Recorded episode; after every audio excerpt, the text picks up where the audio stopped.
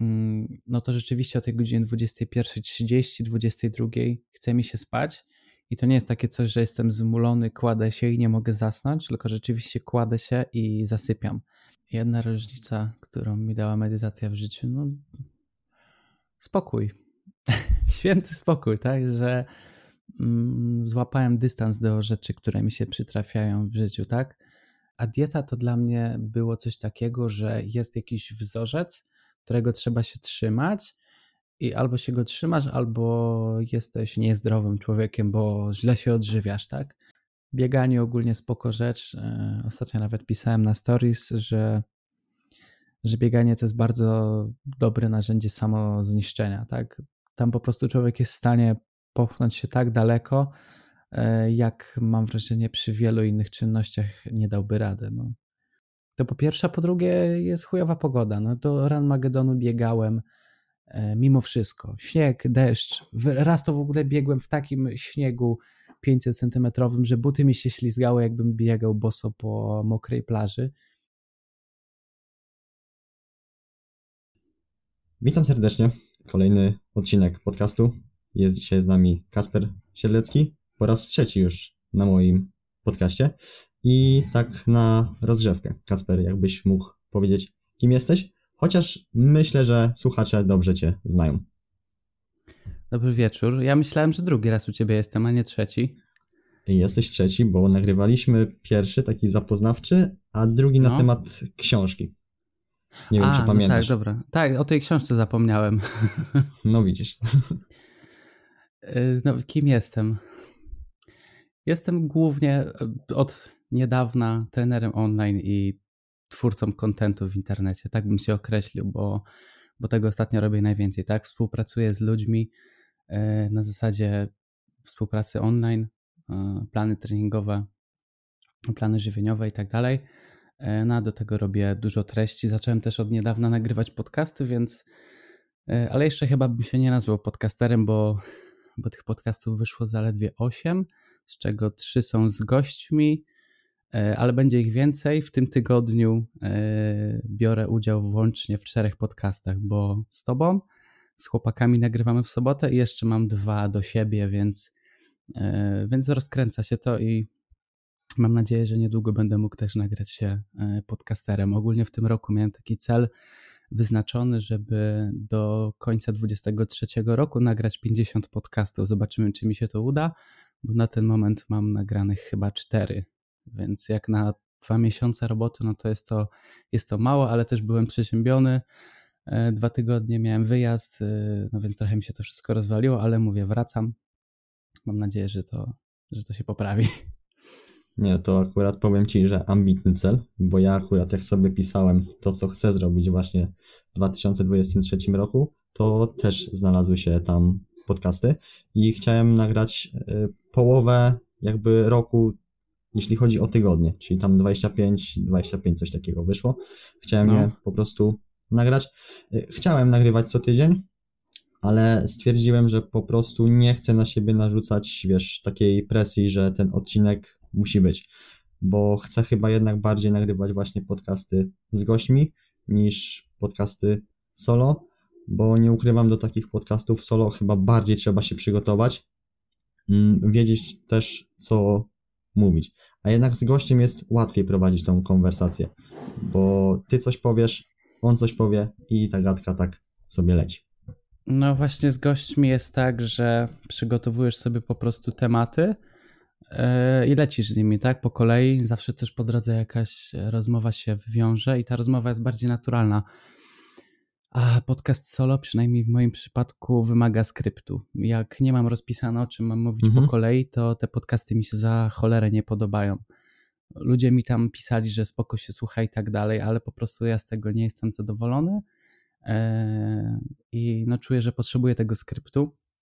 Na przykład y, ostatnio nagrywałem podcast o medytacji, y, który tam trwa 50 minut czy godzinę, no to pisanie skryptu do, nie, do niego zajęło mi 2 czy, 2 y, czy 3 godziny, plus jeszcze jakaś godzina nagrywania, plus wiadomo, tworzenie opisu miniatury, to włącznie by się pewnie człowiek za, zamknął w jakichś 5-6 godzinach. No to jest od cholery roboty.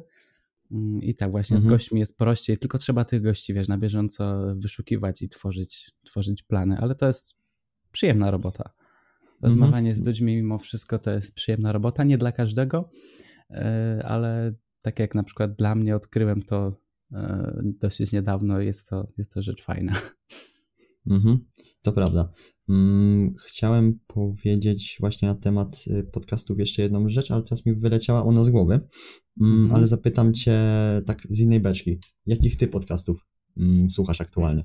Takie Twoje top 5.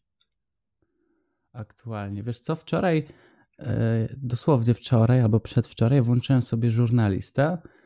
Wysłuchałem mhm. dwa odcinki u niego i coś czuję, że zostanę u gościa na dłużej, bo podobają mi się podcasterzy, nie podcasterzy, ale podobają mi się podcasty, które prowadzą osoby mało mówiące, a zadające celne pytania. I właśnie to robi żurnalista, zauważyłem. Więc to jest takie moje świeże odkrycie. No ale oczywiście króluje u mnie Przemek Górczyk. Przemek, e, którego słucham już od w zasadzie odkąd wrzucił jakiś kilkunasty odcinek. Ja go śledzę odkąd gościu miał jakieś 2000 e, followersów na Instagramie i słucham wszystko po kolei, więc jego męczę na bieżąco. Mm, ale poza tym z takich zagranicznych e, słucham też Joe Rogana. Ostatnio miałem przerwę, ale Przedtem słuchałem jego naprawdę dużo. E, no i Andrew Hubermana też, podcast Huberman Lab. To jest taki już typowo naukowy, ale też bardzo przyjemny. Mm, takie przydatne rzeczy tam sobie wywiaduję i też mam taką e, rutynę, że słucham go po kolei wszystkich odcinków, bo one są ze sobą powiązane mm, i fajnie jest po prostu sobie to tak wchłonąć w całości. Poza tym lubię też jeszcze Martę Niedźwiecką, która prowadzi podcast o zmierzchu.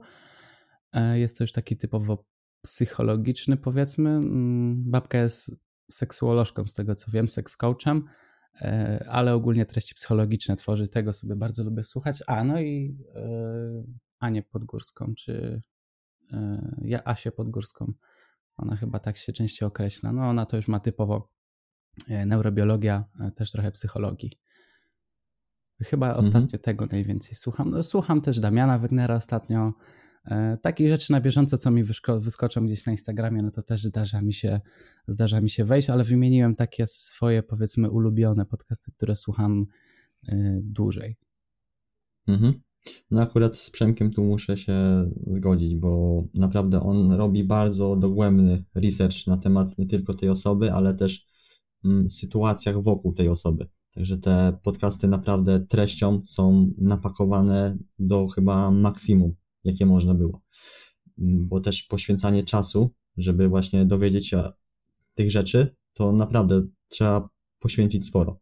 I on to, on to robi świetnie. Mhm. Tak, no Przemek, e, ja od samego początku nawet kilka razy mi się zdarzyło nim, z nim wymieniać wiadomości. Doceniam w jego podcinkach to, że on mało mówi, że on zadaje tak dobrze skonstruowane pytania i, i ta rozmowa u niego tak płynie. Też ten jego podcast fajnie ewoluuje, bo właśnie e, od, od kilkudziesięciu powiedzmy odcinków rzeczywiście to już się zrobiła taka fajna rozmowa, nie? E, I to jest takie płynne. Ja też bym chciał w swoich podcastach takie coś, takie coś osiągnąć. Mm, nawet się czasami udawało z niektórymi ludźmi, e, szczególnie jak z kimś złapieć taką wspólną falę, nie? No to, to naprawdę dobrze się tego potem słucha, aż y, jeden ze swoich odcinków, no to słuchałem dwa razy w całości, bo, bo po prostu mi się spodobał. Nie, akurat y, powiem Ci, że te podcasty, które nagrałeś, przesłuchałem wszystkie. I mogę tutaj naprawdę stwierdzić, że mimo tego, że dopiero zaczynasz, to i tak no. jest to topowe. Naprawdę. W porównaniu, jak, znaczy, też jestem chyba samokrytyczny wobec siebie, ale w momencie, kiedy ja miałem powiedzmy te 10 odcinków pierwszych, mm, to nie były one na pewno w połowie nawet tak dobre, jak twoje 10 pierwszych. Fakt, że tobie też y, trochę może dało to, że nagrywaliśmy podcasty wspólne na, na fitnessiaki i też byłeś na przykład gościem u mnie, to może ci sporo dało, ale i tak naprawdę robota jest moim zdaniem topowa. Dziękuję bardzo. Na pewno mi te podcasty z wami trochę dały, no bo jednak ta taka, yy, nie wiem jak to nazwać nawet, taka płynność przed mikrofonem jakakolwiek e, została, e, ale ogólnie chyba najbardziej wychodzi tutaj taka umiejętność rozmowy właśnie, bo, bo nie, zauważ, że nie każdy to ma. E, ja właśnie nieraz puszczę sobie jakiś podcast takich mniej znanych ludzi, albo takich, co dopiero zaczynają i tam rzeczywiście umiejętność prowadzenia nawet nie rozmowy, tylko takiej gadki, no jak kumpel z kumpel, y, kumpel z kumplem, to u niektórych to jest lepsze lub gorsze, tak? No tutaj y, bądźmy po prostu szczerzy I, I, myślę, że to jest coś, co się ma albo czego się nie ma. Myślę, że nie każdy by się nadawał do prowadzenia podcastów. Mhm. A mówiłeś o tym właśnie, że słuchałeś swojego podcastu nawet dwa razy. Ja powiem Ci mhm. szczerze, że do dzisiaj swojego głosu po prostu nie lubię. Niektórzy mi mówią, że mam zajebisty głos do tego i się nadaje, ale ja po prostu no nienawidzę swojego głosu. Tym bardziej jak zaczynałem dopiero nagrywać, gdzie nie miałem jeszcze mikrofonu, tylko nagrywałem go jakimiś tam słuchawkami gamingowymi, mm, to ten głos był dla mnie straszny i po prostu siebie nie słuchałem. Czyli ty jednak jesteś osobą, która lubi swój głos, czy jednak nie? Wiesz co, yy, mam raczej do niego stosunek neutralny, chociaż wiem, że jeśli się wysilę i troszkę się skupię na tym, jak mój głos brzmi, to umiem zrobić to tak, żebym się tego nie wstydził jakoś publicznie. Ale mówię, raczej mam stosunek neutralny e, do swojej osoby. E, neutralny łamany na lubię, bo no już mam za sobą ten etap w życiu, kiedy miałem kompleksy, nie lubiłem się i nie lubiłem swoich jakichś rzeczy naokoło siebie. I głosu kiedyś swojego też nie lubiłem. Ja ogólnie dość późno zacząłem przechodzić jakąkolwiek mutację. Wciąż mam głos dosyć wysoki, chociaż myślę, że my mamy pod tym względem podobne parametry. E, ale mówię, przestałem się już tego czepiać, bo no bo co mi to kurwa da, nie? Można się czepiać siebie samego i stać przez to całe życie w, w miejscu, bo, bo człowiek po prostu boi się czegoś zacząć. A prawda jest taka, że trzeba zacząć z tym, co się ma, nie? No, jeśli bym się tego głosu jakoś wstydził, nie lubił go, to bym nie zaczął e, nagrywać podcastów i też nie, nie poznałbym fajnych ludzi, nie porozmawiałbym i być może nie miałbym tej przygody, która mnie czeka z tym, z tym wszystkim, z tym nagrywaniem. Jasne. Mm, zapytam Cię o to, bo Ty zaczynałeś gdzieś publikować swoje treści w 2020 roku, prawda? Dokładnie to był chyba październik. Niedługo po moich urodzinach, coś koło 10 października. Mhm. A to Ci akurat mogę powiedzieć, że zaczynaliśmy dosyć podobnie, bo ja też pod koniec właśnie 2020 e, roku właśnie powiedziałbym, przekształciłem mojego Instagrama takiego, wiesz, prywatnego, gdzie wrzucałem mm, moje zdjęcia i tak dalej. Przekształciłem właśnie takiego Instagrama bardziej nastawionego pod, pod tym, co robię dzisiaj. I chcę Cię zapytać o to, czy Ty w tamtym czasie, kiedy zaczynałeś, myślałeś o tym, że za kilka lat możesz być tu, gdzie teraz, czyli będziesz miał super społeczność, będziesz trenerem online i będziesz na przykład nagrywał podcasty? Czy w ogóle nie miałeś takiego czegoś w głowie? Wiesz co, chyba nie. Wydaje mi się, że nie. Ja w ogóle, jak tak sobie przypomnę, po co ja w ogóle ten profil założyłem, to ja wtedy założyłem to z takiej czystej chęci pokazania się, że po prostu chciałem pokazać światu, że, że coś umiem, że jakoś wyglądam, że mam jakąś wiedzę i przy okazji być może właśnie z kimś się zintegrować, coś komuś pomóc, doradzić. Nie myślałem absolutnie, że będę kiedyś z tego zarabiał jakiekolwiek pieniądze, ani że właśnie, a w ogóle o nagrywaniu podcastu, no to w życiu bym nie pomyślał, bo ja pewnie wtedy miałem takie przekonania, że żeby nagrywać podcast, to trzeba mieć studio, wiesz, mikrofon za 3000 zł, kamery i nie wiadomo co. Tymczasem mam lampkę za 20 zł, mikrofon za stówę i gadam z tobą teraz, nie? E, no, w ogóle jak tak sobie wrócę pamięcią, mm, to jeszcze rok temu, może półtora, bardzo bałem się w kwestii takich biznesowych, cokolwiek związanego z braniem od ludzi pieniędzy, z zarabianiem, z jakimiś ewentualnie, nie daj Boże, wiesz, fakturami, ZUS-ami, tego typu rzeczami. Ja się tego bardzo bałem. E, To była pierwsza rzecz. A druga rzecz, która, której się bałem jak cholera, to był marketing, bo łatwo mi przychodziło uczenie się takich rzeczy stricte branżowych, typu tam dietetyka, trening, programowanie treningu, wiesz, tego typu rzeczy.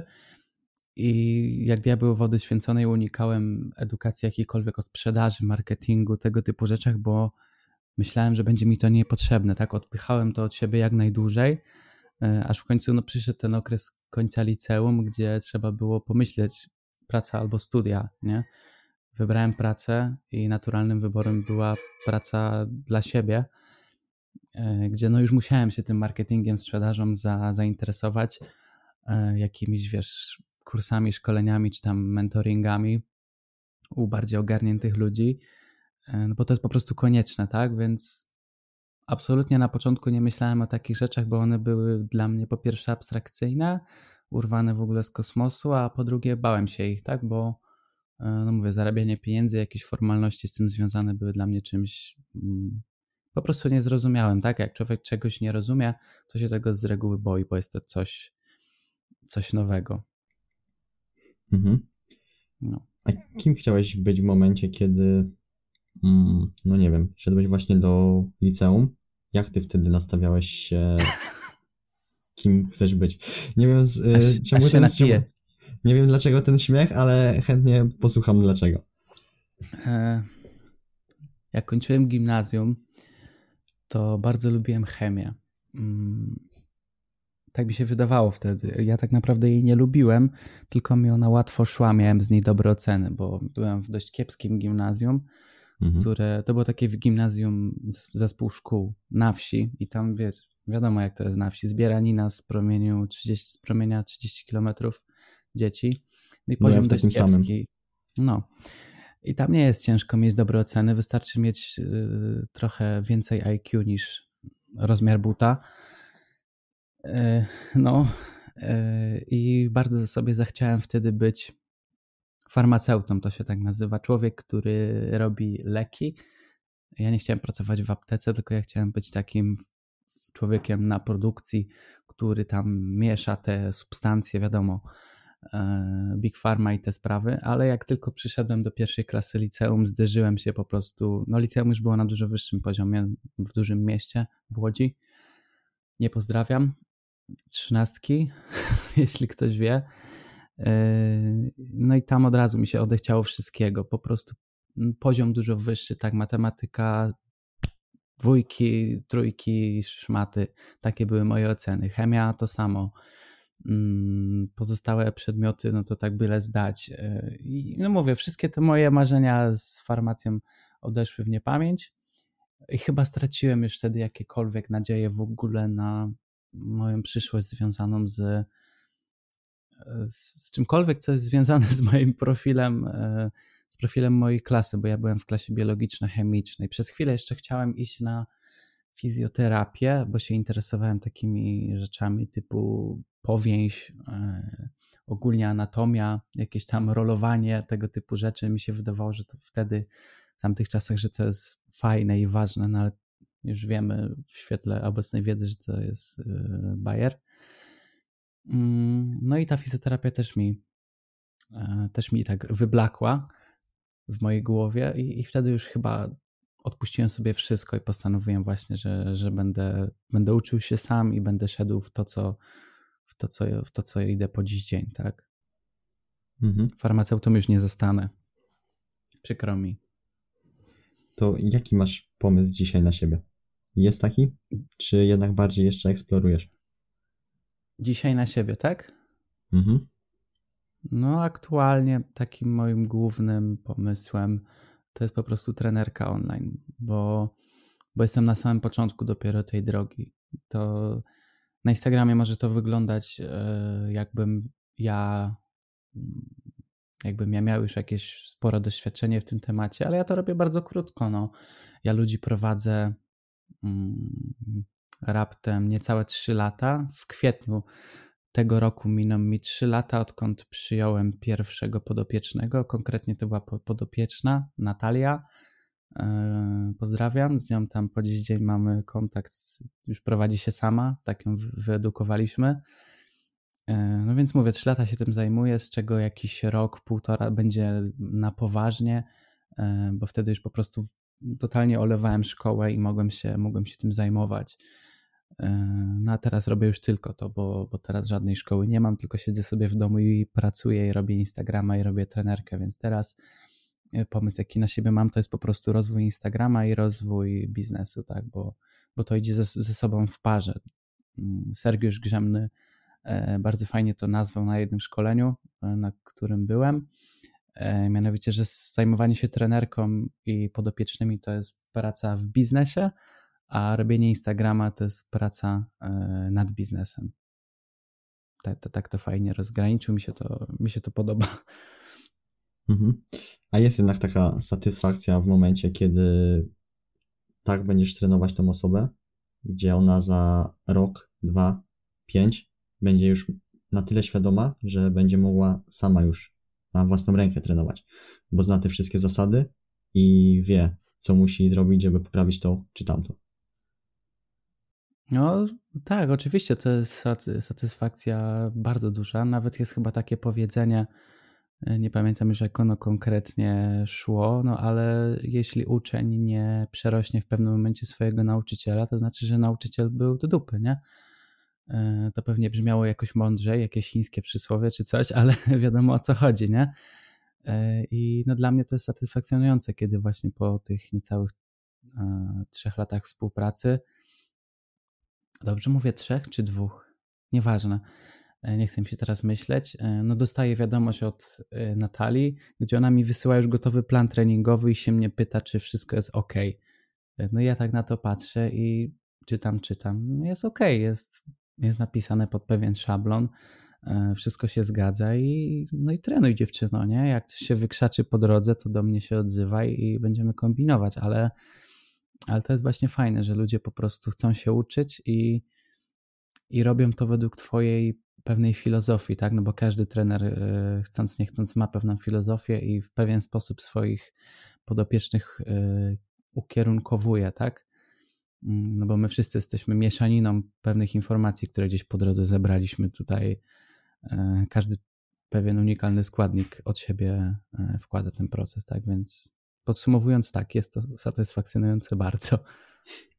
No, ja mogę sobie tylko naprawdę wyobrazić, jaka to może być satysfakcja, bo mi już taką dużą przyjemność sprawia to, że jakaś osoba do mnie napisze i pyta się o to, czy prowadzę ludzi online, albo nawet zadaje jakieś pytanie związane czy to z treningiem, czy to z odżywianiem, i to już jest przyjemnością, bo potem wchodzę na jej profil, a ona obserwuje takie osoby jak Marek Prawiedzik, mm, czy Damian Wegner, czy Piotr Tomaszewski, a ona pisze do ciebie. I to jest naprawdę już, wiesz, takie wyróżnienie, że ona jednak napisze do ciebie, a nie do tych większych. Myślę, że to jest po prostu kwestia tego, jaką sobie społeczność e, zbudowałeś, bo mm, ogólnie w, w, w, mojej, w naszej branży trenerskiej ciężko jest e, nazwać drugiego trenera swoją konkurencją. E, tak samo dietetycy, myślę, mają podobnie, lub fizjoterapeuci, którzy działają online, bo ludzie nie przychodzą do ciebie dlatego, że masz fajne grafiki, fajne posty, reelsy, tylko oni przychodzą do ciebie dlatego, e, że cię lubią. Z powodu tego, jaki ty jesteś, a nie E, z powodu tego, jakie masz treści, ile masz followersów, czy ile nie masz certyfikatów i jaki jesteś rozpoznawalny, tak?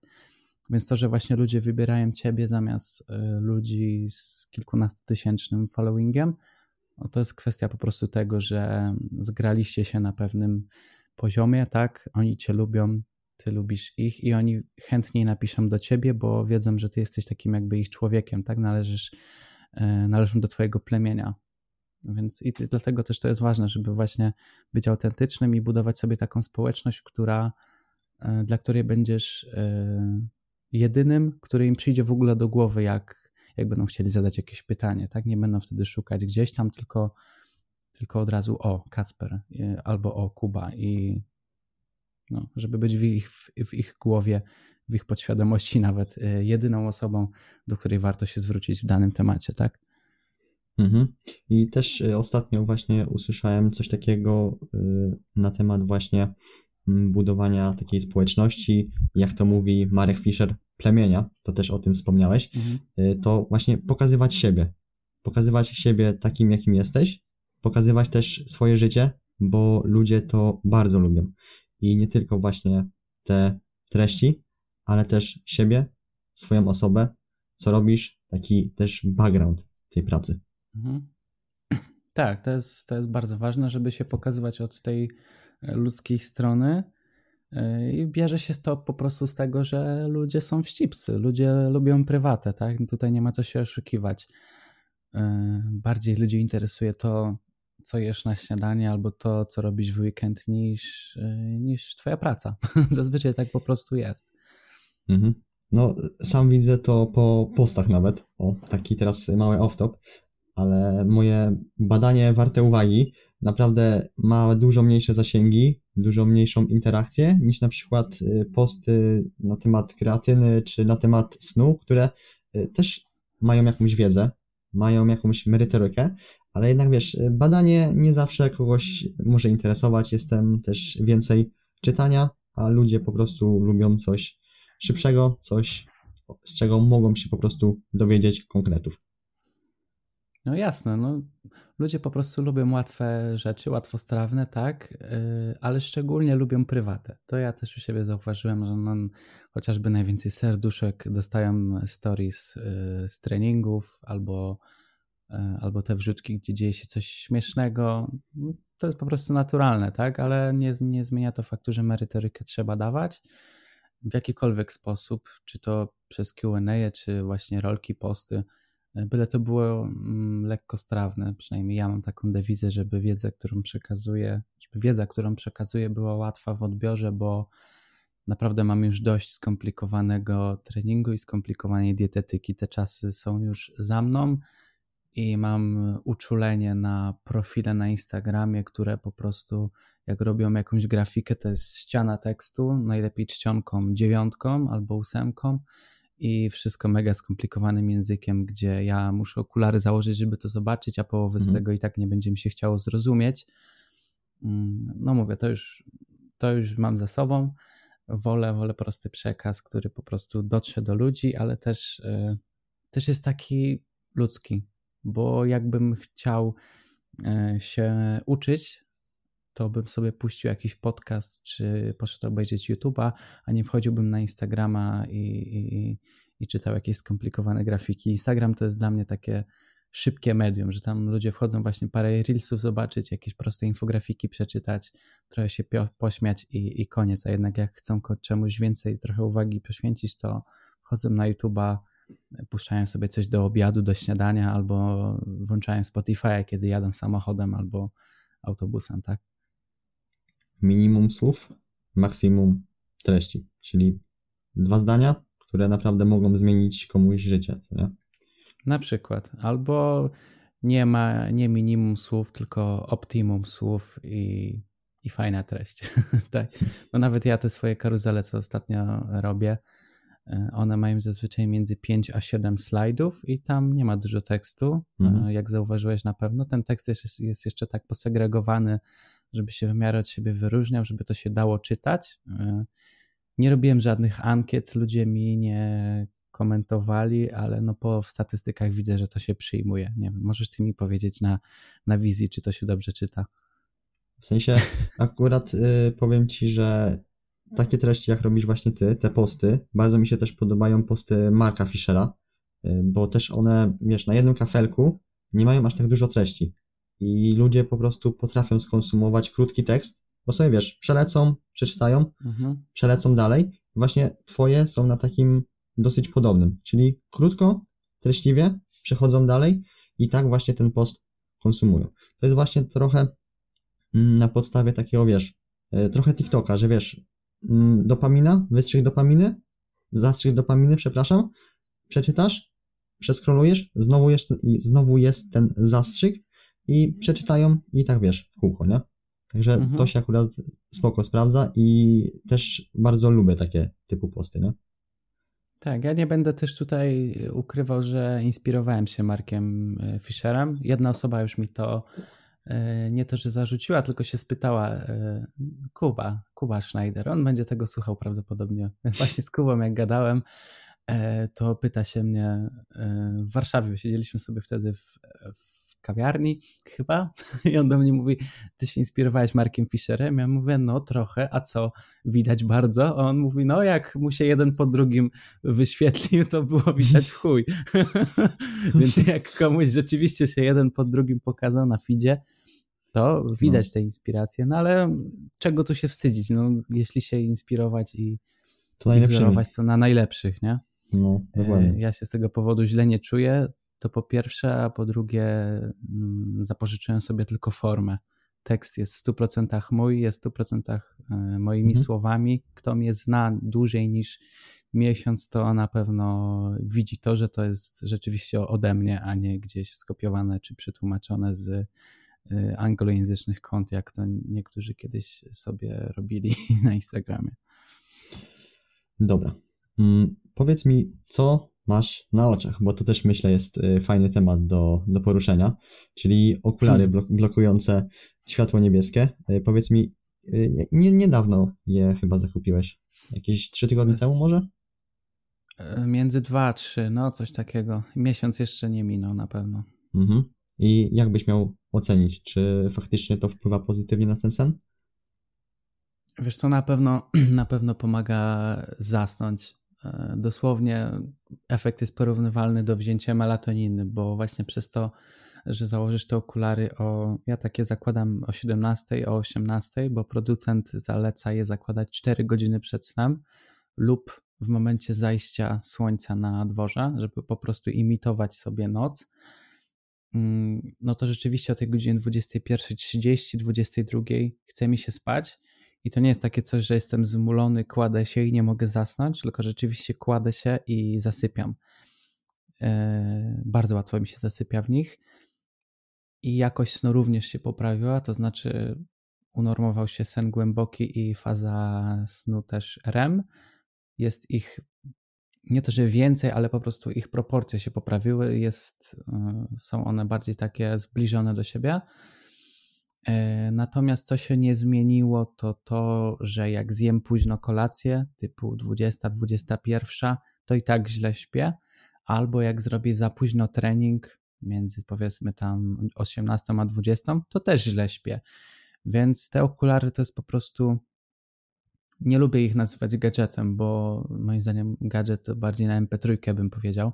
Jest to fajne narzędzie, ale jest to jedno z wielu narzędzi. Jeśli będziemy tylko stosować okulary, a na przykład olejemy właśnie treningi lub dietę, e, timing tych rzeczy, to te okulary nam nie pomogą absolutnie. Może nawet i lepiej zaśniemy, ale jakość snu i tak będzie słaba, bo e, tętno podczas snu będzie zbyt wysokie.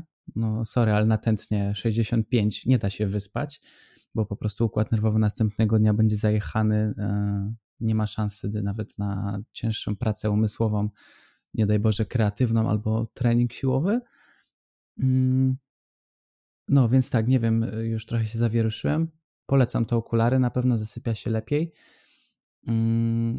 A jeśli ogarnie się też pozostałe czynniki, które na sen wpływają, to ogólnie jakość snu może wystrzelić mm, bardzo, bardzo pozytywnie w górę. Czyli, czyli żeby to teraz wybrzmiało, jeżeli ktoś mhm. chce sobie kupić te okulary, to niech najpierw zadba o te podstawy, o te podstawy snu, o higienę snu, żeby nie obżerać się na noc, żeby ten układ pokarmowy też nie pracował całą noc, bo nie zaśniemy, nie robić też ciężkich, intensywnych treningów przed snem, bo sam zauważyłem na sobie, rozmawialiśmy o tym przed y, nagraniem właśnie, że też czasem mam te problemy w momencie, kiedy muszę zrobić ten trening Mm, późnym wieczorem przed pójściem spać, już po całym dniu tak naprawdę, mm, no to te okulary nie sprawdzą się, kiedy my nie dbamy o rytm dobowy, nie dbamy właśnie o jakość tego snu, o higienę snu. Tak, jeszcze dwie rzeczy bym chciał od siebie dodać, bo yy, powiedziałeś o obżeraniu się yy, na noc i taka właśnie adnotacja ode mnie, że też kiedyś myślałem o tym w ten sposób, żeby na noc się nie obżerać, czyli na przykład załóżmy, że jest godzina 21, no to nie zjem pełnoprawnego obiadu, gdzie tam będzie 50 gramów białka, 150 gramów węgli, tak jak ja zazwyczaj jem. No ale dwa banany i jogurt to już będzie ok. Okazuje się, przynajmniej w moim przypadku, że to jest gówno prawda. Nic nie, nie powinienem jeść o tej porze, bo po prostu jak coś w tym żołądku jest, to ten układ nerwowy w nocy będzie musiał to e, obrabiać, będzie musiał to trawić e, i nie skupi się na chłopski rozum, tak w uproszczeniu wiadomo, nie skupi się na odpowiedniej regeneracji. Więc ode mnie taka porada, jeśli ktoś mm, je późno wieczorem, godzinę, dwie przed snem, cokolwiek i ma kiepską jakość snu i nie wie dlaczego tak się dzieje, to niech wyeliminuje jakiekolwiek jedzenie do dwóch, trzech, czterech godzin przed pójściem spać. Ja na przykład y, od ponad tygodnia ostatni posiłek jem o 18, więc 4 godziny przed pójściem spać i śpię dużo lepiej niż, y, niż kiedykolwiek przedtem, więc polecam się właśnie zainteresować i poeksperymentować z tym. Mm, a druga sprawa, właśnie powiedziałeś o tym, żeby dbać o rytm dobowy. Rytm dobowy, słuchajcie, proszę ja Was, kontroluje się e, i ustawia się, bo to jest jak, trochę jak zegar biologiczny. E, trochę jak zegar, tak. Ten, ten nasz zegar biologiczny jest jak zegar, to chciałem powiedzieć. E, to się nastawia światłem w dużym uproszczeniu i najważniejsze w tym jest to, żeby rano maksymalnie półtorej godziny po przebudzeniu, powiedzmy do dwóch można to podciągnąć, żeby wyjść na dwór i się naświetlić. Im mniej słońca jest na, na dworze, im więcej chmur, tym dłużej trzeba na tym podwórku spędzić, maksymalnie nawet do 20 minut.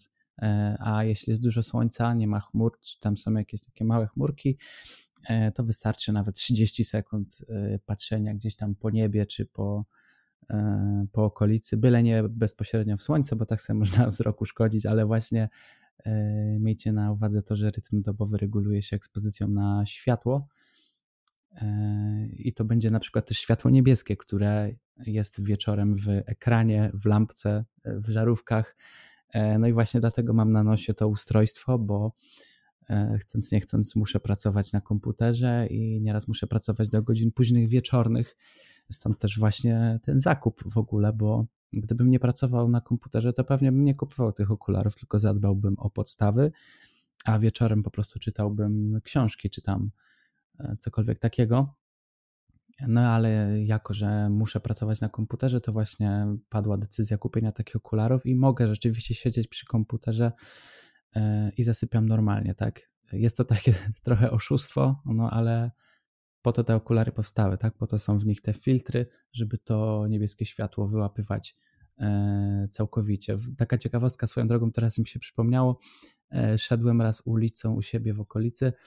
Mm, obok ubezpieczalni przechodziłem, która ma wielki neon e, niebieski, taki fioletowy. I jak się na niego patrzyłem w okularach, to on znikł był szary. to było w nocy, nie? Więc to wyglądało jak ciemna przestrzeń. Zdjąłem okulary i się zaczął świecić nagle.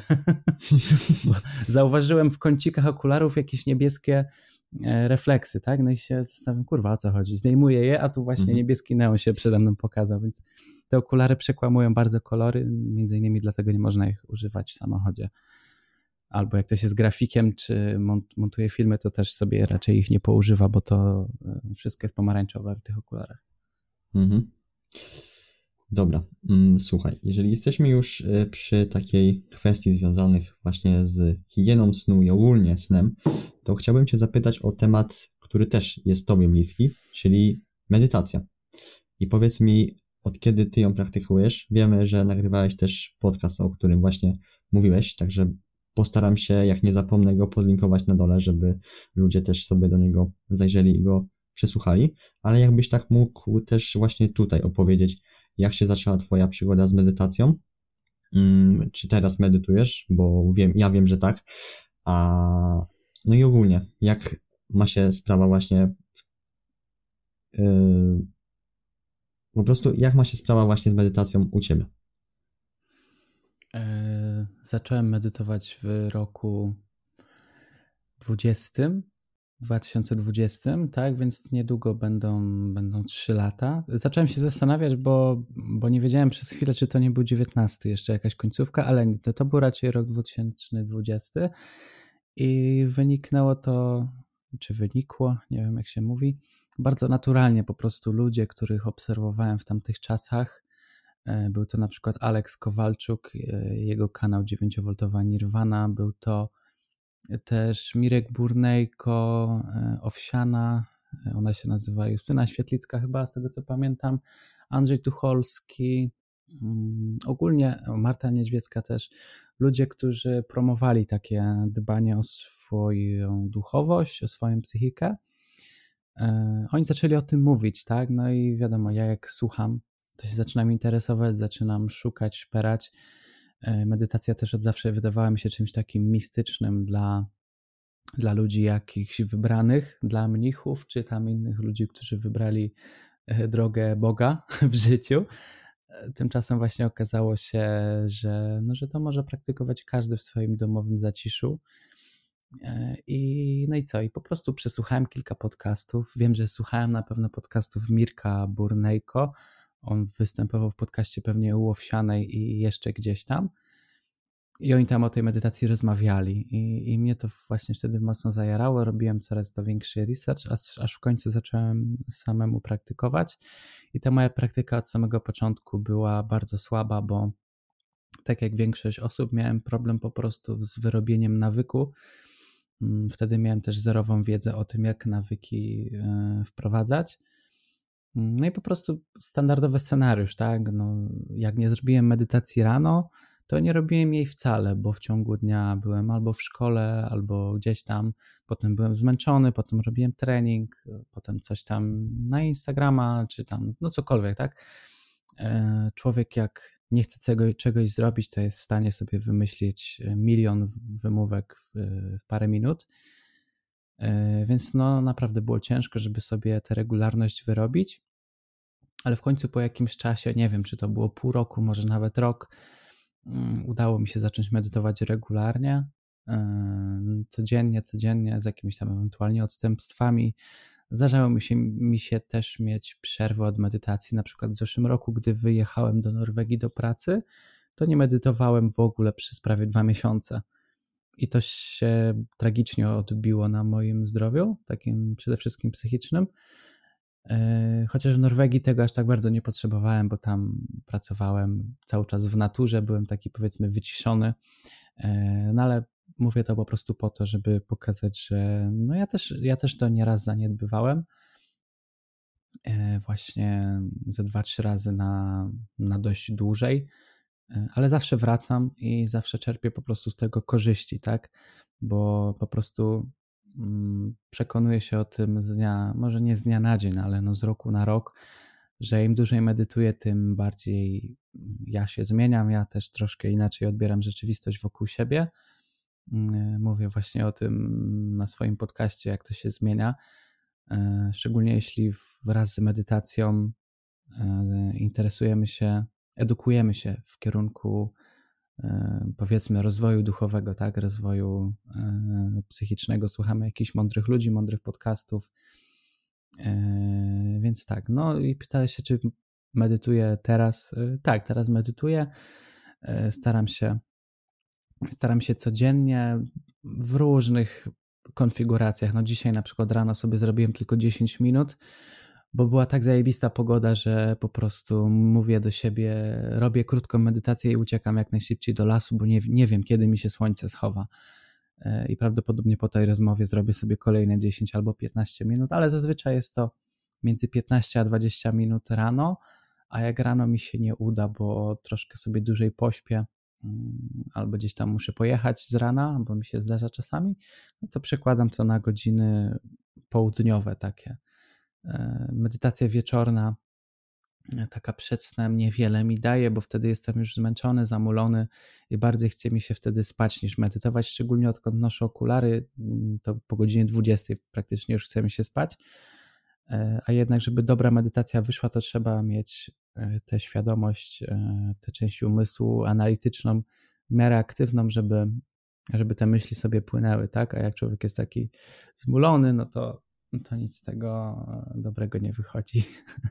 Trochę popłynąłem, nie wiem, powiedz mi, może coś jeszcze byś chciał wiedzieć o tej medytacji mojej. Nie, ja lubię właśnie, jak goście w podcaście się mm, rozgadają, bo ja wtedy też mogę sobie gdzieś Tak. pytania, pytania z boczku y, napisać i potem też Pytania do pytań. Tak, pytanie do pytań.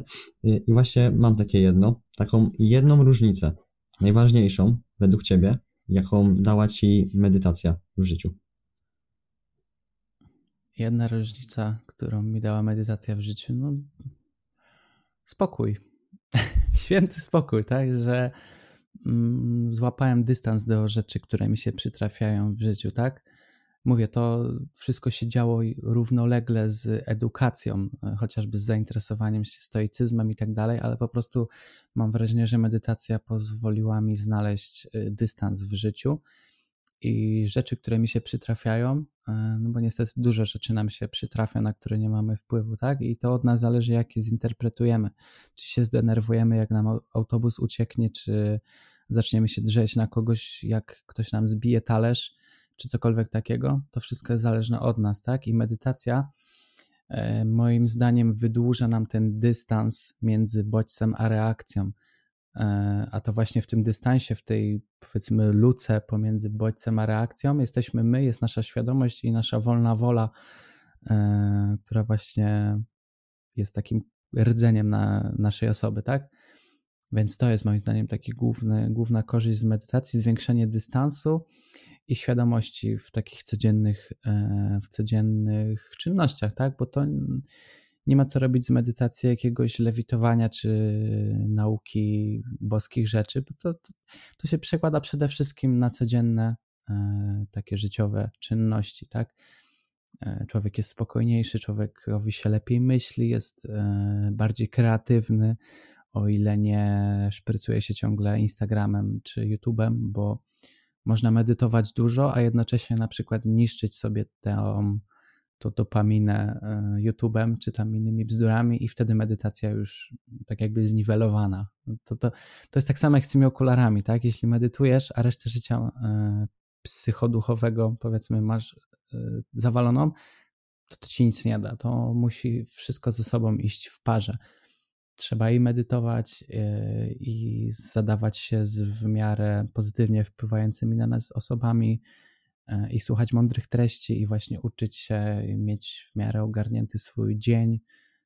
Mm, No ogólnie trzeba być ogarniętym człowiekiem, żeby to wszystko miało ręce i nogi. Chociaż wiadomo, no zawsze dobrze jest od czegoś zacząć. Lepiej jest medytować yy, niż nie medytować, tak bym powiedział. A posłuchaj, bo ja też y, słuchając różnych właśnie podcastów, niekoniecznie na temat samej medytacji, tylko po prostu gdzieś tam wątki były właśnie poruszane a propos medytacji. y, Było tam poruszane coś takiego, że istnieją różne formy medytacji. Na przykład Mhm. taka jak y, niemyślenie o niczym, takie wiesz, dając sobie upust tym myślom, że one przypływają, a my im dajemy odpływać. Czasem po prostu też jest taka forma, że my myślimy o tych myślach, co przypływają, a też y, są takie formy, jak na przykład wyjście na spacer. I jaką ty formę praktykujesz i też jaką polecasz, albo czy też stosowałeś inne formy medytacji niż tą, którą masz teraz? Wiesz co, no ja próbowałem wielu rzeczy i na samym początku, mm, właśnie te trzy lata temu, zaczynałem sobie od medytacji prowadzonych na YouTubie. Mm, To jest trochę coś bardziej jak e, autohipnoza, to znaczy hipnoza, indukcja hipnozy, no bo tam po prostu człowiek ci mówi w słuchawkach, o czym masz myśleć, gdzie masz kierować swoją uwagę, do tego jest puszczona jakaś muzyczka. E, to- jest spoko. Myślę, że mm, warto tego jest przynajmniej raz w życiu sobie spróbować e, przez jakiś tam dłuższy e, czas, żeby po prostu sprawdzić to na sobie. Ale mi się to dość szybko znudziło. Ja nie lubiłem medytować z telefonem, nie lubiłem być uzależniony od tych słuchawek, od tych bodźców. Mimo wszystko telefon kojarzy nam się z łatwą dopaminą i z rozkojarzeniem, więc nie chciałem mieszać sobie telefonu z, z czymś, co ma mnie uspokajać.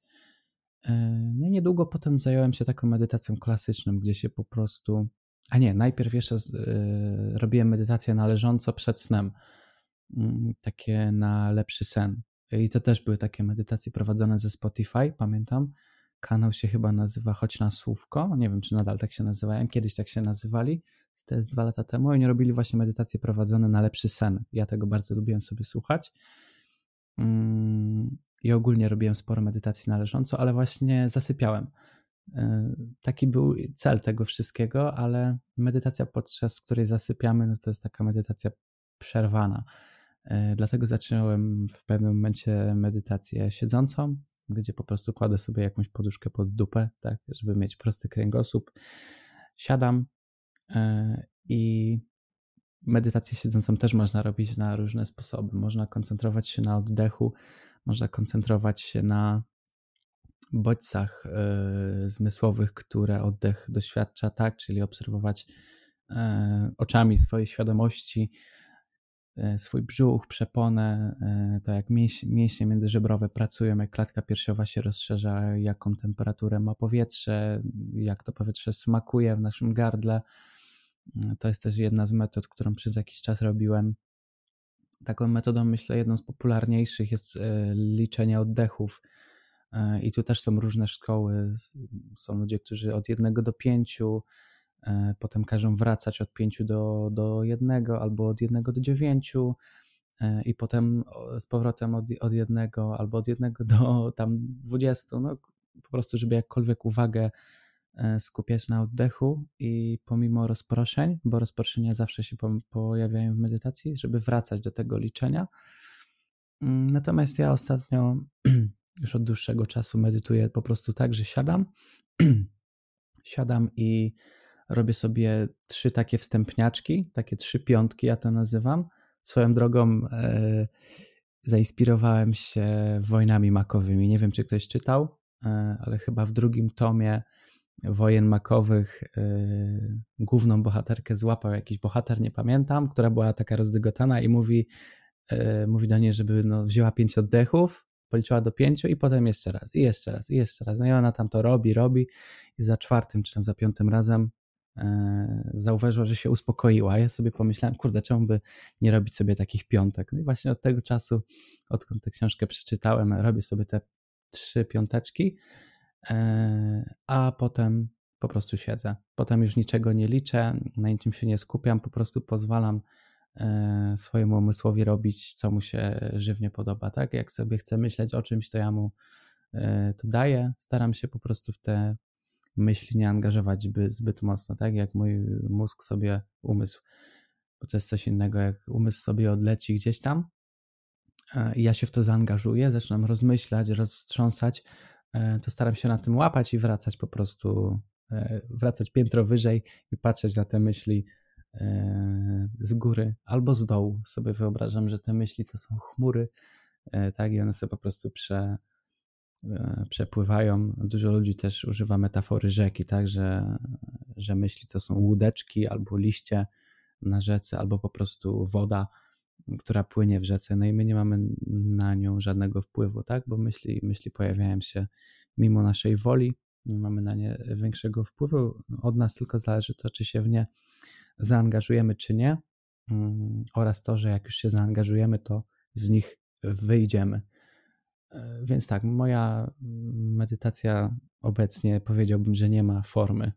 Ja po prostu znalazłem na siebie jakiś sposób, który mi służy i, i jestem w stanie w taki sposób siedzieć 10 minut, 15, pół godziny, 40 minut. Ostatnio nawet byłem na medytacji w ośrodku Zen E, która trwa łącznie chyba 70 minut, bo to były dwie rundy po 30 minut z medytacją chodzoną pomiędzy, więc no to było, to było długie. Powiem Ci szczerze, ja medytacji kiedyś próbowałem, nie pamiętam, który to był rok, ale nie, nie trwało to długo.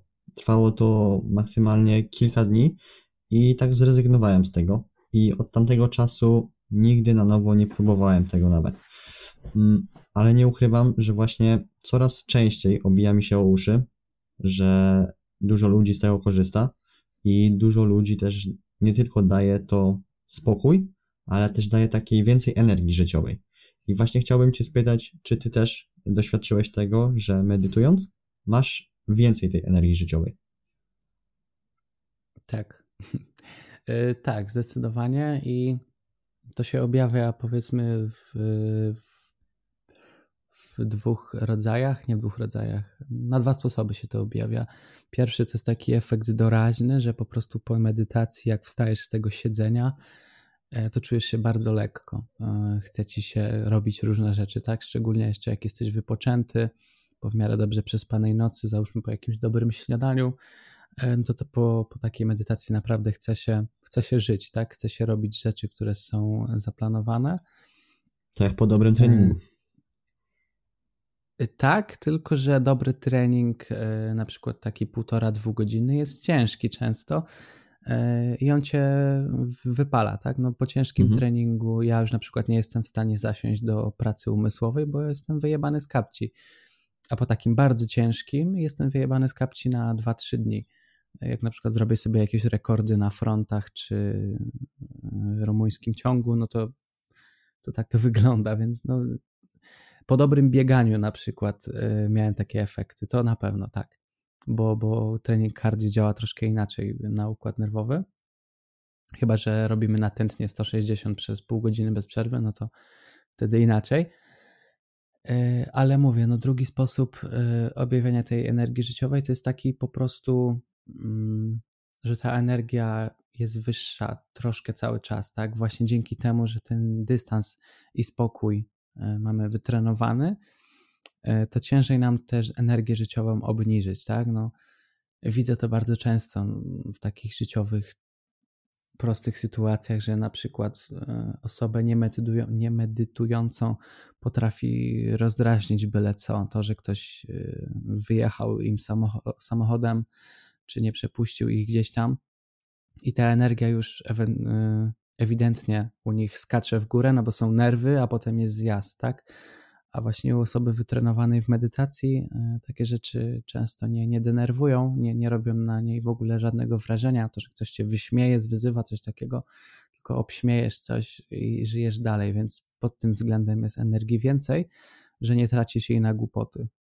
Na pewno medytacji nie traktowałbym coś jako turbo doładowanie mm, energii, że o, medytuję to od dzisiaj śpię 6 godzin dziennie, bo pół godziny medytuję. No nie, to tak nie działa. To medytacja jest po prostu mm, narzędziem, które trzeba nauczyć się obsługiwać, tak?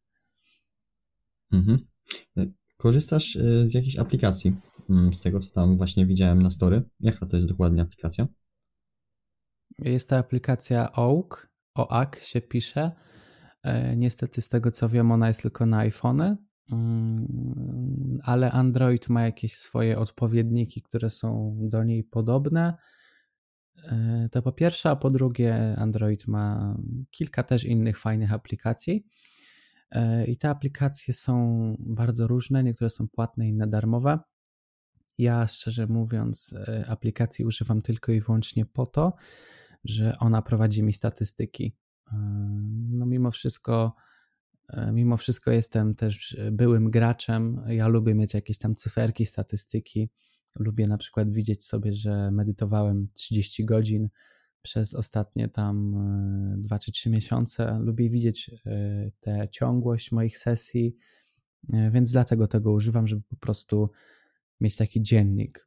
Ja to bardziej traktuję jak dziennik Chociaż i tak w swoim papierowym dzienniku zapisuję sobie, czy danego dnia medytowałem, czy nie. E, ale mówię to w moim przypadku. Inni ludzie natomiast wiem, że używają aplikacji do medytacji prowadzonych, czyli e, włączają sobie jakiś tam program na na przykład na box breathing, czyli na, na to oddychanie Navy Sealsów, czy tam na sen, albo na pobudzenie. Jest też aplikacja Wima Hofa, której kiedyś używałem, ale to tak dla zabawy. E, tam też są ćwiczenia typowo oddechowe już bardziej niż medytacja, no ale, ale mówię, można jej używać w taki sposób jak ja, że to jest taki dzienniczek medytacji, e, a można używać tego po prostu jako narzędzie do, medy do medytowania stricte, gdzie tam właśnie sobie używamy jakiejś, e, jakiejś indukcji, że jakiś lektor nam mówi, co, co mamy robić. Mhm. Tak teraz y, spojrzałem na zegar i prawie mamy tutaj godzinę nagrania, a ja mam tak no. połowę kartki dopiero przekreślone i ta rozmowa może jeszcze trwać i trwać. Także szybko przechodząc, szybko, nie wiem czy szybko. Jeżeli masz czas, to możemy sobie na spokojnie rozmawiać jeszcze, bo mi się nie spieszy. Mam. Ja po prostu gadam dużo. Nie, ale ja się, ja się cieszę, bo ta, te twoje przemówienia na pewno naprawdę mi przynajmniej dają też dużo do zrozumienia i też na pewno mm, dla niektórych może to być mm, przydatne przede wszystkim. To dobrze. Coś może... Nie, bo... No, e, słucham, słucham. E, bo nie jestem aż tak jeszcze wytrenowany w takich monologach i nie wiem, e, nie wiem, czy nie następuje w pewnym momencie taki punkt, po którym zaczynam lać wodę i nie, nie gadam już w kółko tego samego, więc Dlatego, dlatego tak y, mówię, że gadam, gadam, no bo, no bo nie wiem, czy, czy gadam z sensem, ale mam mhm. nadzieję, że tak. Nie, mi się akurat bardzo dobrze tego słucha. I Super. teraz chciałbym przejść do kwestii mm, Twojej diety, bo od jakiegoś czasu też ona się troszeczkę chyba zmieniła, bo z tego co też widziałem, rzucasz na, na story, y, jest ona właśnie. Mm, no zmieniona po prostu. Kiedyś byłeś na trochę bardziej innej, a aktualnie wygląda troszeczkę inaczej. I jakbyś mógł właśnie tak opowiedzieć, dlaczego ona teraz wygląda tak, dlaczego ona się zmieniła i dlaczego przy niej chciałbyś też, myślę, pozostać. Wiesz co, no tutaj trzeba by nadać y, szerszy, większy kontekst temu wszystkiemu. Ja jestem człowiekiem, który lubi eksperymentować na sobie. Lubię i od zawsze lubiłem eksperymentować na sobie w kontekście treningowym. Lubiłem próbować nowych ćwiczeń, e, jakichś nowych metod, e, czy to periodyzacji, czy jakichś e, po prostu metod treningowych, czy właśnie nowe dyscypliny sobie jakoś wplatać. Nie wiem, no chociażby zmieniony rozstaw ramion, czy tam inne chwyty na siłowni, to też dla mnie było, była frajda, że można w ogóle coś takiego zrobić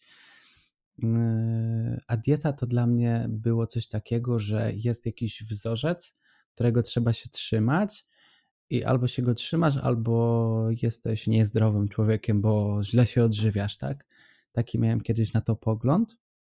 W pewnym momencie jednak zacząłem obserwować pewne osoby na Instagramie, między innymi Adriana, z którym już mogę tutaj powiedzieć na antenie, bo myślę, że ten odcinek i tak będzie z opóźnieniem. Będę nagrywać z nim podcast. E, I po prostu zacząłem kwestionować swoje poglądy. Tak, zauważyłem, że jest grupka osób niszowa, którzy jedzą zupełnie inaczej niż mainstream dyktuje. I pomimo tego mają zajebiste efekty siłowe, sylwetkowe, czują się świetnie, wyglądają świetnie i zaczęło mi coś tutaj nie grać. No i pomyślałem sobie, że kurde, w sumie skoro trening jest czymś takim płynnym, gdzie można na sobie eksperymentować, robić różne rzeczy, to czemu by nie zacząć e, tego samego robić ze swoją dietą? No i właśnie w ten sposób, z takiej diety konwencjonalnej, bardzo zdrowej oczywiście, bo ja od zawsze, odkąd siedzę w fitnessie, to jem ultra zdrowo. Ja nie jem praktycznie w ogóle słodyczy, jakichś e, fast foodów, tego typu rzeczy. Parę razy w roku mi się zdarzało przy jakiejś okazji zjeść coś takiego. Mm, no, zacząłem po prostu manipulować tą dietą. Zacząłem ograniczać warzywa takie ciężkostrawne, e, jakieś zielone e, liście, łodygi, strączki, tego typu rzeczy, co mi po prostu, o kaszę też na przykład. E, ogólnie wszystko, co wiedziałem, że mi ciąży na żołądku, zacząłem się tego pozbywać. E, w pewnym momencie zacząłem też dodawać dużo owoców, właśnie cukrów prostych, owoców suszonych, miodu. E, zacząłem jeść bardzo dużo nabiału. Mm, jadłem też mniej węglowodanów złożonych, węglowodanów złożonych, e, mniej mąki, mniej makaronów. Jedyne co tam jadłem to były ziemniaki i ryż. No i właśnie kilka takich drobnych zmian sobie wprowadziłem jednocześnie obserwując cały czas Adriana i właśnie trochę się na nim wzorując. E, no ale w końcu napisałem do niego i spytałem się, czy jest możliwość podjęcia współpracy. On odpowiedział, że jak najbardziej. No i wtedy dopiero się tak naprawdę zaczęło, tak, bo wcześniej byłem na takiej diecie eksperymentalnej, gdzie jadłem trochę wszystko i e, tylko, że miałem pewne produkty wykluczone, a jak właśnie podjąłem współpracę, e, podjąłem się współpracy z Adrianem, to to już był hardcore, można by powiedzieć, bo, bo tam było zero mąki, zero glutenu, zero warzyw, chociaż ja troszkę i takich sobie przemycałem dla smaku. Adrian mówił, że że to jest jak najbardziej w porządku. Nadal tak robię po dziś dzień. Jakąś tam cebulę, czosnek, por, wiadomo, takie rzeczy, co, co sobie człowiek lubi do mięsa dodać czy do czegoś tam. Jednak no, nie jadłem żadnych warzyw takich, które wcześniej miałem w diecie, typu, nie wiem, jakieś sałaty, kiełki, broń Boże, strączki właśnie, jakiekolwiek tofu, różne przetwory. Tam był tylko nabiał, E, wątróbka, mięso białe oraz czerwone, wołowina, wieprzowina, indyk. E, e, już powiedziałem, że było bardzo dużo nabiału, tak? A, no były jaja oczywiście, jajek jadłem w opór, jem ich w opór po dziś dzień. No i głównym źródłem węglowodanów były tam cukry proste, które pochodziły z owoców, E, owoców świeżych oraz suszonych. Do tego oczywiście cukier też z nabiału pochodził, no bo jednak jak się piło prawie litr mleka dziennie, to tej laktozy i e, było dużo, tak? Więc cukier, cukier mleczny i e, miód oraz syrop klonowy, tak? No i to by było, to by było na tyle. Więc no dieta eliminacyjna, bo większości rzeczy takich które są w diecie Kowalskiego, się nie jadło. E, no i co się okazało? Czułem się zajebiście, najlepiej e, jak dotychczas w ogóle w swoim e, krótkim życiu. Współpraca z Adrianem trwała chyba 3 miesiące, potem musiałem zrezygnować przez wyjazd za granicę, ale mówię, trwała chyba 3 miesiące i przez te 3 miesiące zrobiłem formę życia tak naprawdę. Mimo, że już wcześniej trenowałem yy, ciężko, jadłem też ciężko, to dopiero po zawarciu współpracy i dołożeniu do tego ciężkiego treningu, bo ja treningowo prowadziłem się sam cały czas, ja zrobiłem formę życia i e, mogę Ci, Kuba, potem wysłać jakieś zdjęcia. E, ja na swoim wyjeździe z Norwegii byłem tak docięty, jakbym zszedł ze sceny. E, wstawiałem kiedyś swoje zdjęcia. Po prostu byłem tak otłuszczony na tej diecie, właśnie niby niebezpiecznej, no bo jadłem same tłuszcze nasycone i cukier i białko odzwierzęce. Ja byłem tak umieściony i tak otłuszczony jak nigdy i, to była tylko jedna, e, to był wierzchołek góry lodowej, bo oprócz tego zajebiście się wysypiałem, budziłem się bez budzika, pełny energii, yy, po posiłku czułem się ciężko tylko przez jakieś 10 minut, bo po prostu objętościowo te posiłki były ogromne, tak? No zjedz pół kilo świeżych owoców e, na śniadanie, do tego kostkę twarogu, ale właśnie dzięki temu, że to było takie lekkostrawne, to ciążyło mi 10 minut, potem szybko się trawiło i ja miałem energii w opór, mogłem góry przenosić. Ja po dwugodzinnym treningu siłowym potrafiłem sobie jeszcze chodzić na rękach i robić jakieś movementowe rzeczy dla zabawy, bo mnie energia rozpierała, więc to było coś takiego. E, no, ale teraz moja dieta troszkę inaczej wygląda. Właśnie przez moje wyjazdy za granicę mi się to wszystko zrujnowało. E, I też nie ukrywam, odzwyczaiłem się od takiego trybu życia, bo mm, jednak, żeby w 100% taką dietę dopinać, jak wtedy, to trzeba było sobie robić cały czas e, samemu zakupy. A ja jednak nie mieszkam jeszcze sam, więc no mówię, wtedy musiałem wszystko samo ogarniać, wtedy mi się chciało to robić. Teraz moje życie wygląda troszkę inaczej muszę troszkę inne rzeczy brać pod uwagę, więc mam tę dietę tro, trochę zmodyfikowaną, ale trzymam się cały czas podstaw, to znaczy e, właśnie białko jest odzwierzęce, warzyw jak najmniej, staram się prawie w ogóle, właśnie ewentualnie tylko do smaku, dużo owoców, e, dużo czerwonego mięsa, dużo cholesterolu, mm, chociażby z jajek właśnie. No i służy mi to, tak? Nie czuję się aż tak dobrze jak wtedy, Wybiorę się niedługo też na badania krwi, żeby sobie wszystko sprawdzić, e, jak tam, jak tam organizm się, się telepie, no ale czuję się bardzo dobrze, więc podejrzewam, że wszystko jest w porządku. E, I z takich modyfikacji, które właśnie wprowadziłem, żeby sobie smakowo tę dietę urozmaicić, to jem teraz ryż. Od czasu do czasu bardzo rzadko ziemniaki, I zdarza mi się też zjeść jedną, czasami dwie kromki chleba dziennie, z tym, że to jest chleb domowy e, na zakwasie też domowym. więc, więc to jest wszystko takie nieprzetworzone, bardzo e, bym powiedział zdrowe. E, ryż po prostu zauważyłem, że mnie nie zamula, tak jak w porównaniu do makaronu, czy, czy ziemniaków, czy kasz, które po prostu mnie zamulały i na mnie ciążyły. E, ryż nie daje mi takiego efektu, więc jem sobie go nawet po 200 gramów w porcji na raz i czuję się zajebiście, więc tak to wygląda obecnie. Mhm. Jak tak o tym opowiadałeś, to jedyne, co mi się z tym wszystkim skojarzyło, to myślę, że bardzo podobnie, a nawet może tak samo, wyglądała dieta człowieka pierwotnego. Czyli dużo mięsa, owoce, jakieś właśnie takie jajka, czy właśnie jakieś tłuszcze. Mniej więcej bardzo podobnie właśnie mm, odżywiali się, bądź może się odżywiali właśnie ludzie właśnie tam sprzed kilkunastu wieków.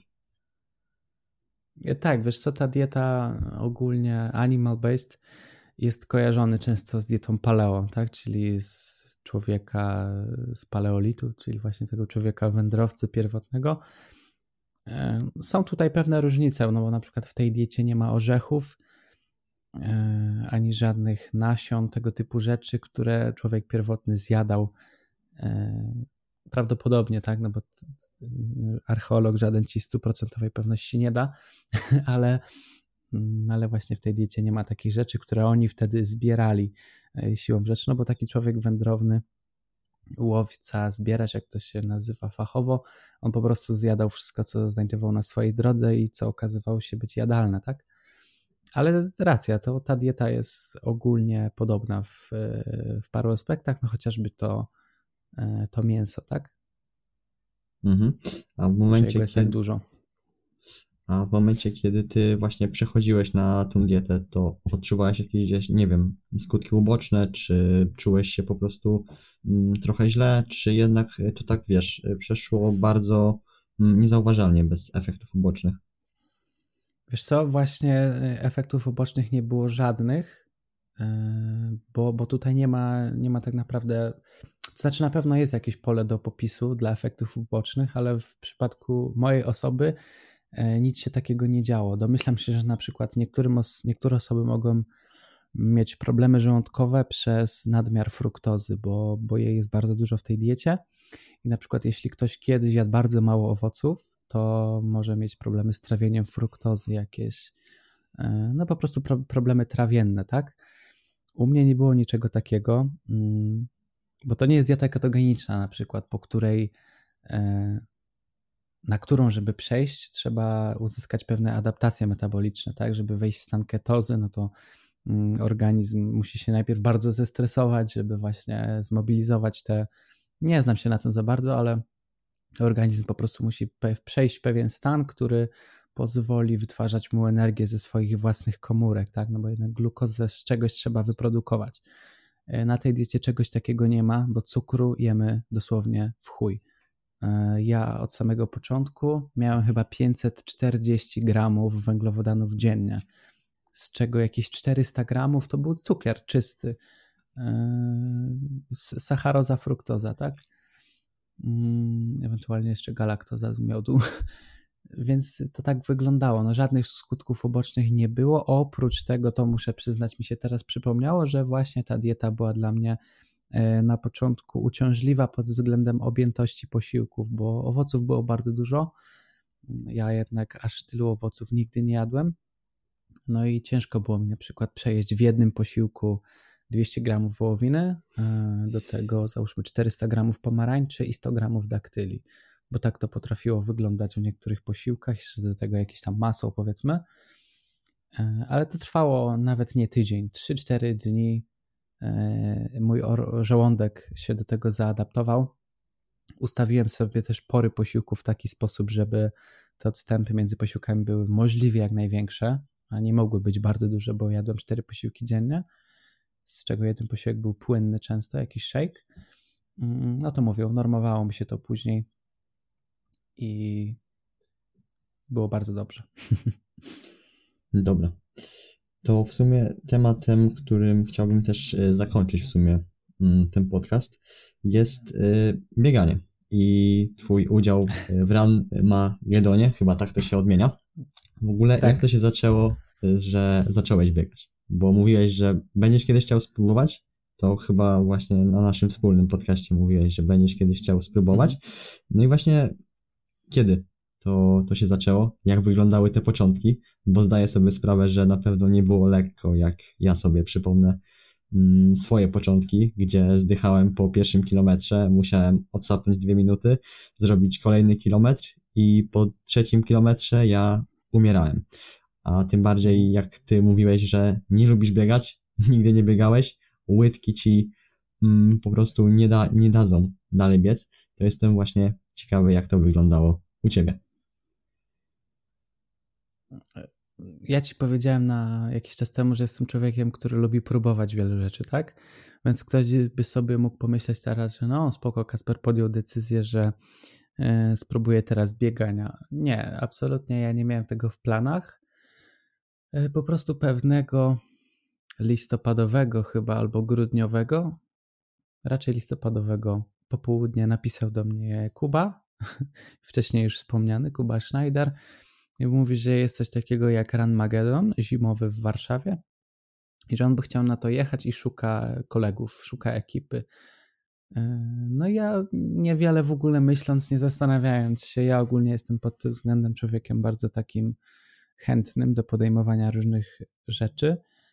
E, pomyślałem, że spoko, no to dobra, to jadę. E, I tam uzgodniliśmy parę rzeczy. E, uzgodniliśmy, że jedziemy na Formułę Classic, tak, która ma 12 km długości, więc w cholerę, jak dla człowieka, który w ogóle nie biega. No bo to było w ogóle dużo rozmów między nami.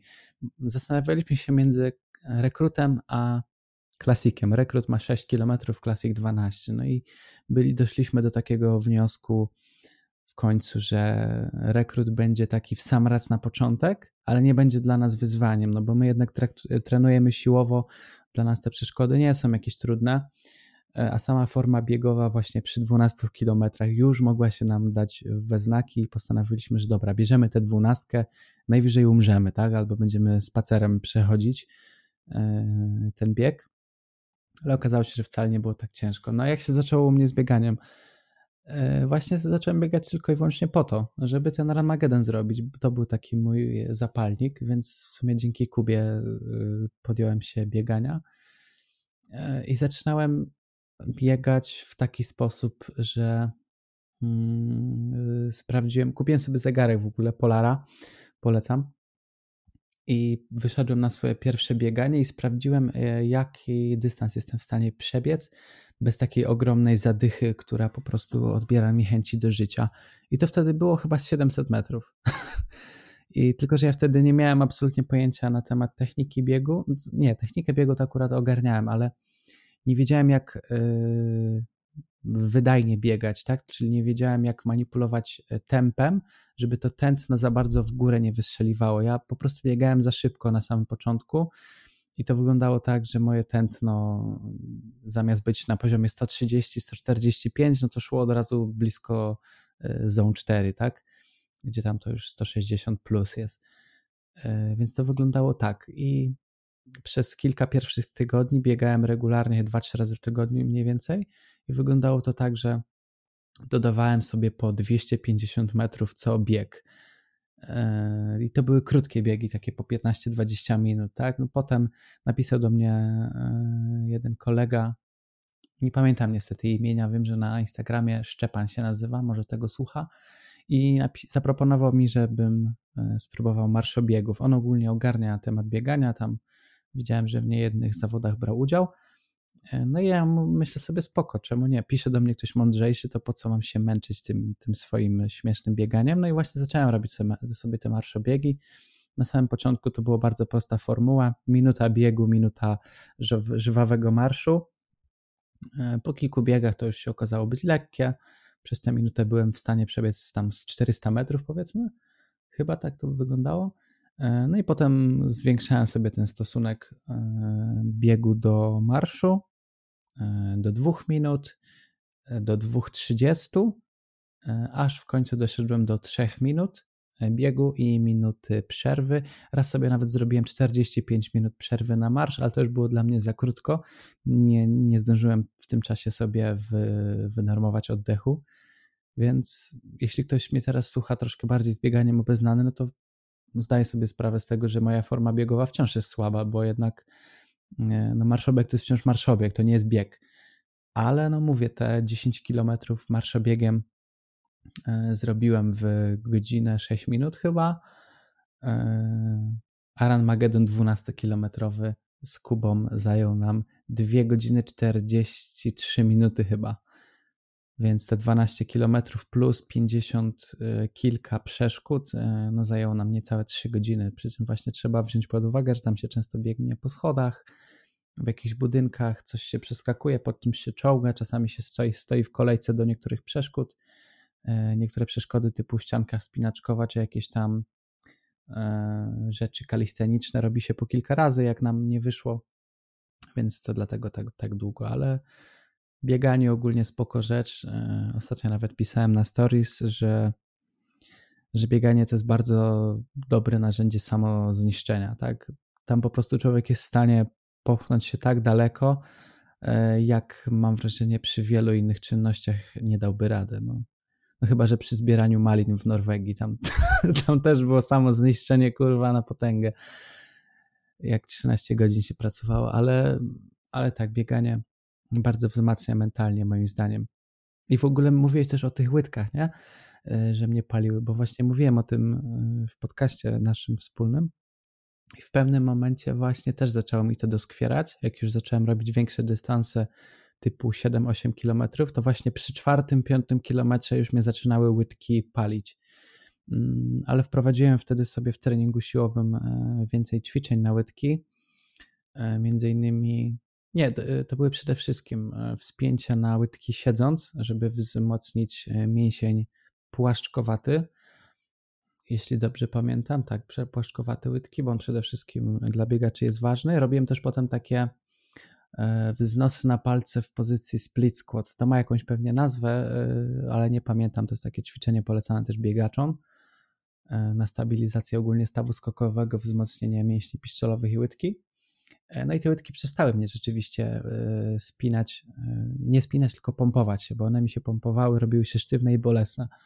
W pewnym momencie ten ból aż promieniował do kolana, ale właśnie jak wprowadziłem sobie te ćwiczenia, to bez problemu byłem w stanie te 10 km przebiec i te kolana już, nie kolana, tylko mm, łydki mnie nie bolały, ale zaczynały mnie boleć kolana, więc tkanka miękka mięśniowa, którą wzmocniłem, już się uodporniła, no to znowu ból jakiś tam zaczynał w kolanie, tak? No ale to jest, podejrzewam, wszystko kwestia adaptacji, tak? Jakbym regularnie biegał, to, yy, to by się to poprawiało, natomiast regularnie już nie biegam, bardzo prostej przyczyny, yy, nie chce mi się, to po pierwsze, po drugie jest chujowa pogoda, no do Ran Magedonu biegałem, yy, mimo wszystko. Śnieg, deszcz. Raz to w ogóle biegłem w takim śniegu 5-centymetrowym, że buty mi się ślizgały, jakbym biegał boso po mokrej plaży. Tak mi się pompowały wtedy piszczele, że ja pierdolę. Ale po prostu robiłem to, bo wiedziałem, że muszę, bo nie chciałem wyjść jak frajer na tym Radmagedonie, a teraz po prostu jakieś zimno i niemiło, to ja wolę się przejść na spacer od czasu do czasu, tam ewentualnie się przebiec, żeby się rozgrzać, bo nie ukrywam, ja nienawidzę kurtek, zazwyczaj wychodzę w samej bluzie lub w dwóch, więc czasami tam się przebiegnę kawałek, żeby krążenie poprawić. E, ale podejrzewam, że jak zacznie się wiosna, mm, taka prawdziwa, że wschody słońca będą około godziny 6 przed 6 i będzie trochę cieplej, to będę sobie biegał z samego rana na takie orzeźwienie i pobudzenie się, bo ja kiedyś miałem taki nawyk mm, cudowny, bardzo dobrze na mnie wpływał, e, czyli poranne spacery, że pierwsze co jak wstanę z łóżka to piję wodę i wypierdzielam na spacer, e, to myślę, że nic nie stoi na przeszkodzie, by sobie ten spacer połączyć z bieganiem takim 20-30 minutowym, leciutkim tempem i potem na przykład połączyć sobie to jeszcze z jakimś podcastem, bo czemu nie, a potem kończyć to na przykład zimnym prysznicem, więc nie, nie jestem przeciwny bieganiu, tak jak kiedyś byłem, właśnie podczas naszej ostatniej rozmowy. Widzę, że bieganie to jest spoko narzędzie, jest też to bardzo zdrowa aktywność, tak, bo angażuje no, układ sercowo-naczyniowy i oddechowy bardzo mocno. Co w ogóle zauważyłem, może ty miałeś też kiedyś takie rozkminy podczas biegania. E, ja to szczególnie zauważyłem jako osoba medytująca. Jak medytuję i oddycham, staram się robić głębokie oddechy, to czuję, że ten oddech idzie gdzieś z dołu płuc, z brzucha, e, z przepony, tak? A zauważyłem właśnie, że mm, kiedy już naprawdę jestem zmęczony i to tętno nie chce mi spaść poniżej 140 i robię tam już siódmy czy któryś kilometr, to oddycham całymi płucami. Robię bardzo głębokie oddechy i długie wydechy podczas biegu i czuję, że to powietrze normalnie mi aż tutaj z okolic mostka gdzieś się odrywa i, i właśnie mam wrażenie, że jak ktoś ma jakieś e, problemy z płucami czy, czy, czy ogólnie z oddechem oddechowym, z układem oddechowym, to na bieganiu może bardzo skorzystać. No pewnie na każdej aktywności karty, ale rozmawiamy teraz o, konkretnie o bieganiu. I mówię, że taka rozkmina mnie raz złapała, że zacząłem używać całych płuc. I to jest, to jest myślę spoko, spoko obserwacja. To ja dwie obserwacje, które zauważyłem u siebie podczas biegania. To po pierwsze, jak nie mam puszczonego podcastu, a mam puszczoną zwykłą po prostu muzykę, gdzieś tam leci sobie na słuchawkach, to naprawdę przychodzą grube rozkminy życiowe. Co mogę zrobić, mhm. jakieś takie przemyślenia. Naprawdę to jest coś pięknego. A druga sprawa, jaką zauważyłem, to też jest taka związana bardziej, myślę, z kwestiami tutaj mm, głowy i tak dalej. Mm, to to, że ja ogólnie w 2020 chyba to było roku, ja biegałem z rana.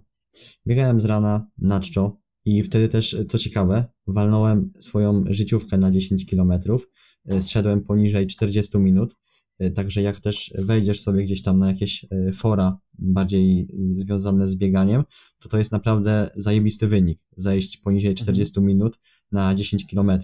Ja to robiłem na czczo i do czego zmierzam?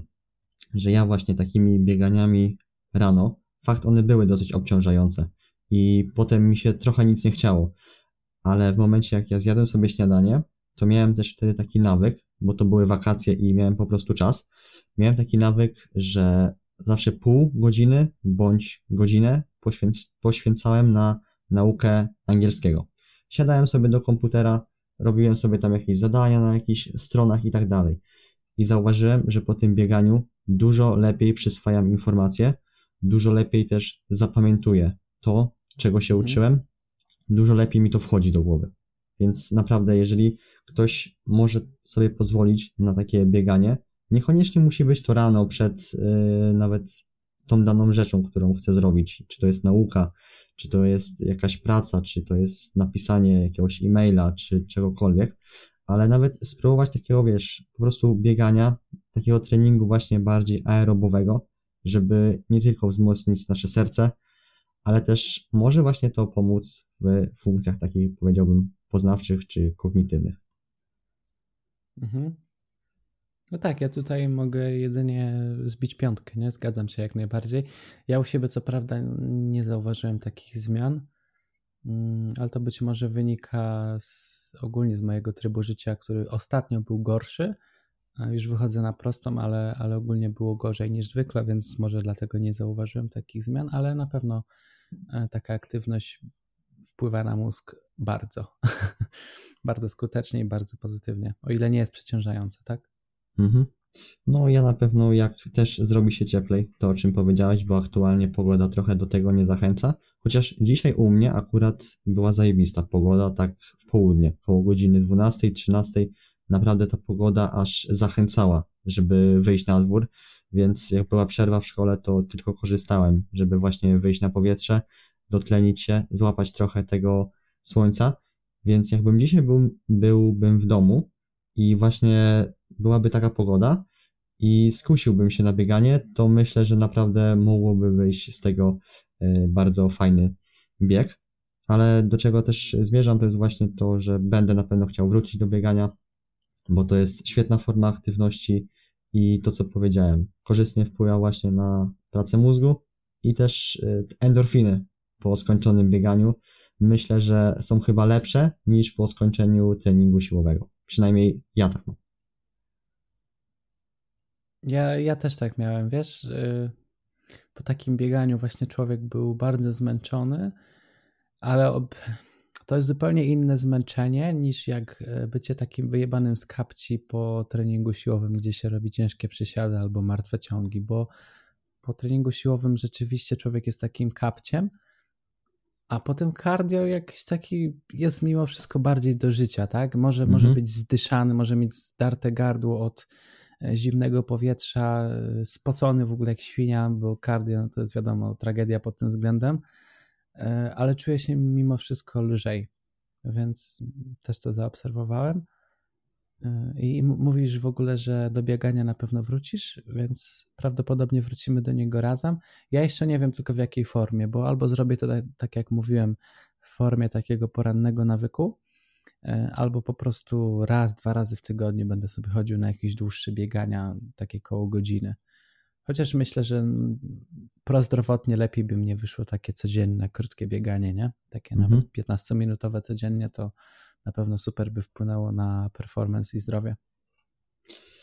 Dobra, Kacper, słuchaj, bo my mamy tutaj już półtorej godziny rozmowy. Naprawdę nie wiem, kiedy to zleciało. E, bardzo Ci chciałbym podziękować, bo myślę, że bardzo fajna rozmowa tutaj wyszła. I na sam koniec, z czym chciałbyś zostawić słuchaczy? Czy to jakiś cytat, czy to jakieś Twoje przemyślenie? Ja oddaję Ci w tym momencie mikrofon. Kurde, Jaki to jest odpowiedzialny moment. Z czym, chciałbym, czym chciałbym zostawić słuchaczy? U ciebie każdy gość e, mówi coś takiego, prawda? Tak, tak, tak. Hmm. Okej, okay. w sumie rozmawialiśmy o tym dzisiaj, więc mm, chciałbym zostawić słuchaczy z tym, żeby poważnie zastanowili się właśnie nad tym, czy nie warto byłoby zacząć medytować, bo jest to nawyk, jest to taka rzecz, która naprawdę w perspektywie dłuższej odwdzięcza się po stokroć. I naprawdę zróbcie research, posłuchajcie jakichś mądrych ludzi na YouTubie, na Spotify. Jak chcecie, to możecie do mnie napisać, ja Wam polecę jakieś konkretne materiały. E, zainteresujcie się tematem, bo, bo jest to coś, co Wam w życiu naprawdę może się odwdzięczyć. Ja też mogę powiedzieć, że chyba też się tym tematem bardziej zainteresuję, bo widzę, że coraz więcej ludzi to robi, coraz więcej ludzi to chwali, a tym bardziej po tej rozmowie trafiło to do mnie, że warto jest przynajmniej spróbować i zobaczyć, czy to zadziała na mnie. Jasne, super. Dzięki wielkie również za zaproszenie i i za fajną rozmowę. Mogłem się, mogłem się wygadać dla odmiany, bo ostatnio to głównie, głównie ja słuchałem. Jasne, dobra. Oczywiście wszystkie linki do Kacpra, do jego podcastu, do jego Instagrama macie w opisie. I co? My słyszymy się z Kasprem w sobotę, bo taka mała informacja, wraca nasz wspólny podcast Fitnessiaki. Po dłuższej przerwie wracamy i mamy nadzieję, że teraz treści będą regularniejsze niż były, bo ostatni podcast był chyba 3 albo 4 miesiące temu, także trochę zaniedbaliśmy, ale mamy nadzieję, że wrócimy i podcasty będą topowe. Jasne. Im większa ekipa, tym trudniej się zgrać, ale myślę, że już na, na poważnie się zabierzemy. ja będę dyspozycyjny na pewno. Ja siedzę w domu na dupie. Nie ruszam się. Dobrze. To jeszcze raz wielkie dzięki za rozmowę i do usłyszenia w następnym materiale. Cześć. Do usłyszenia.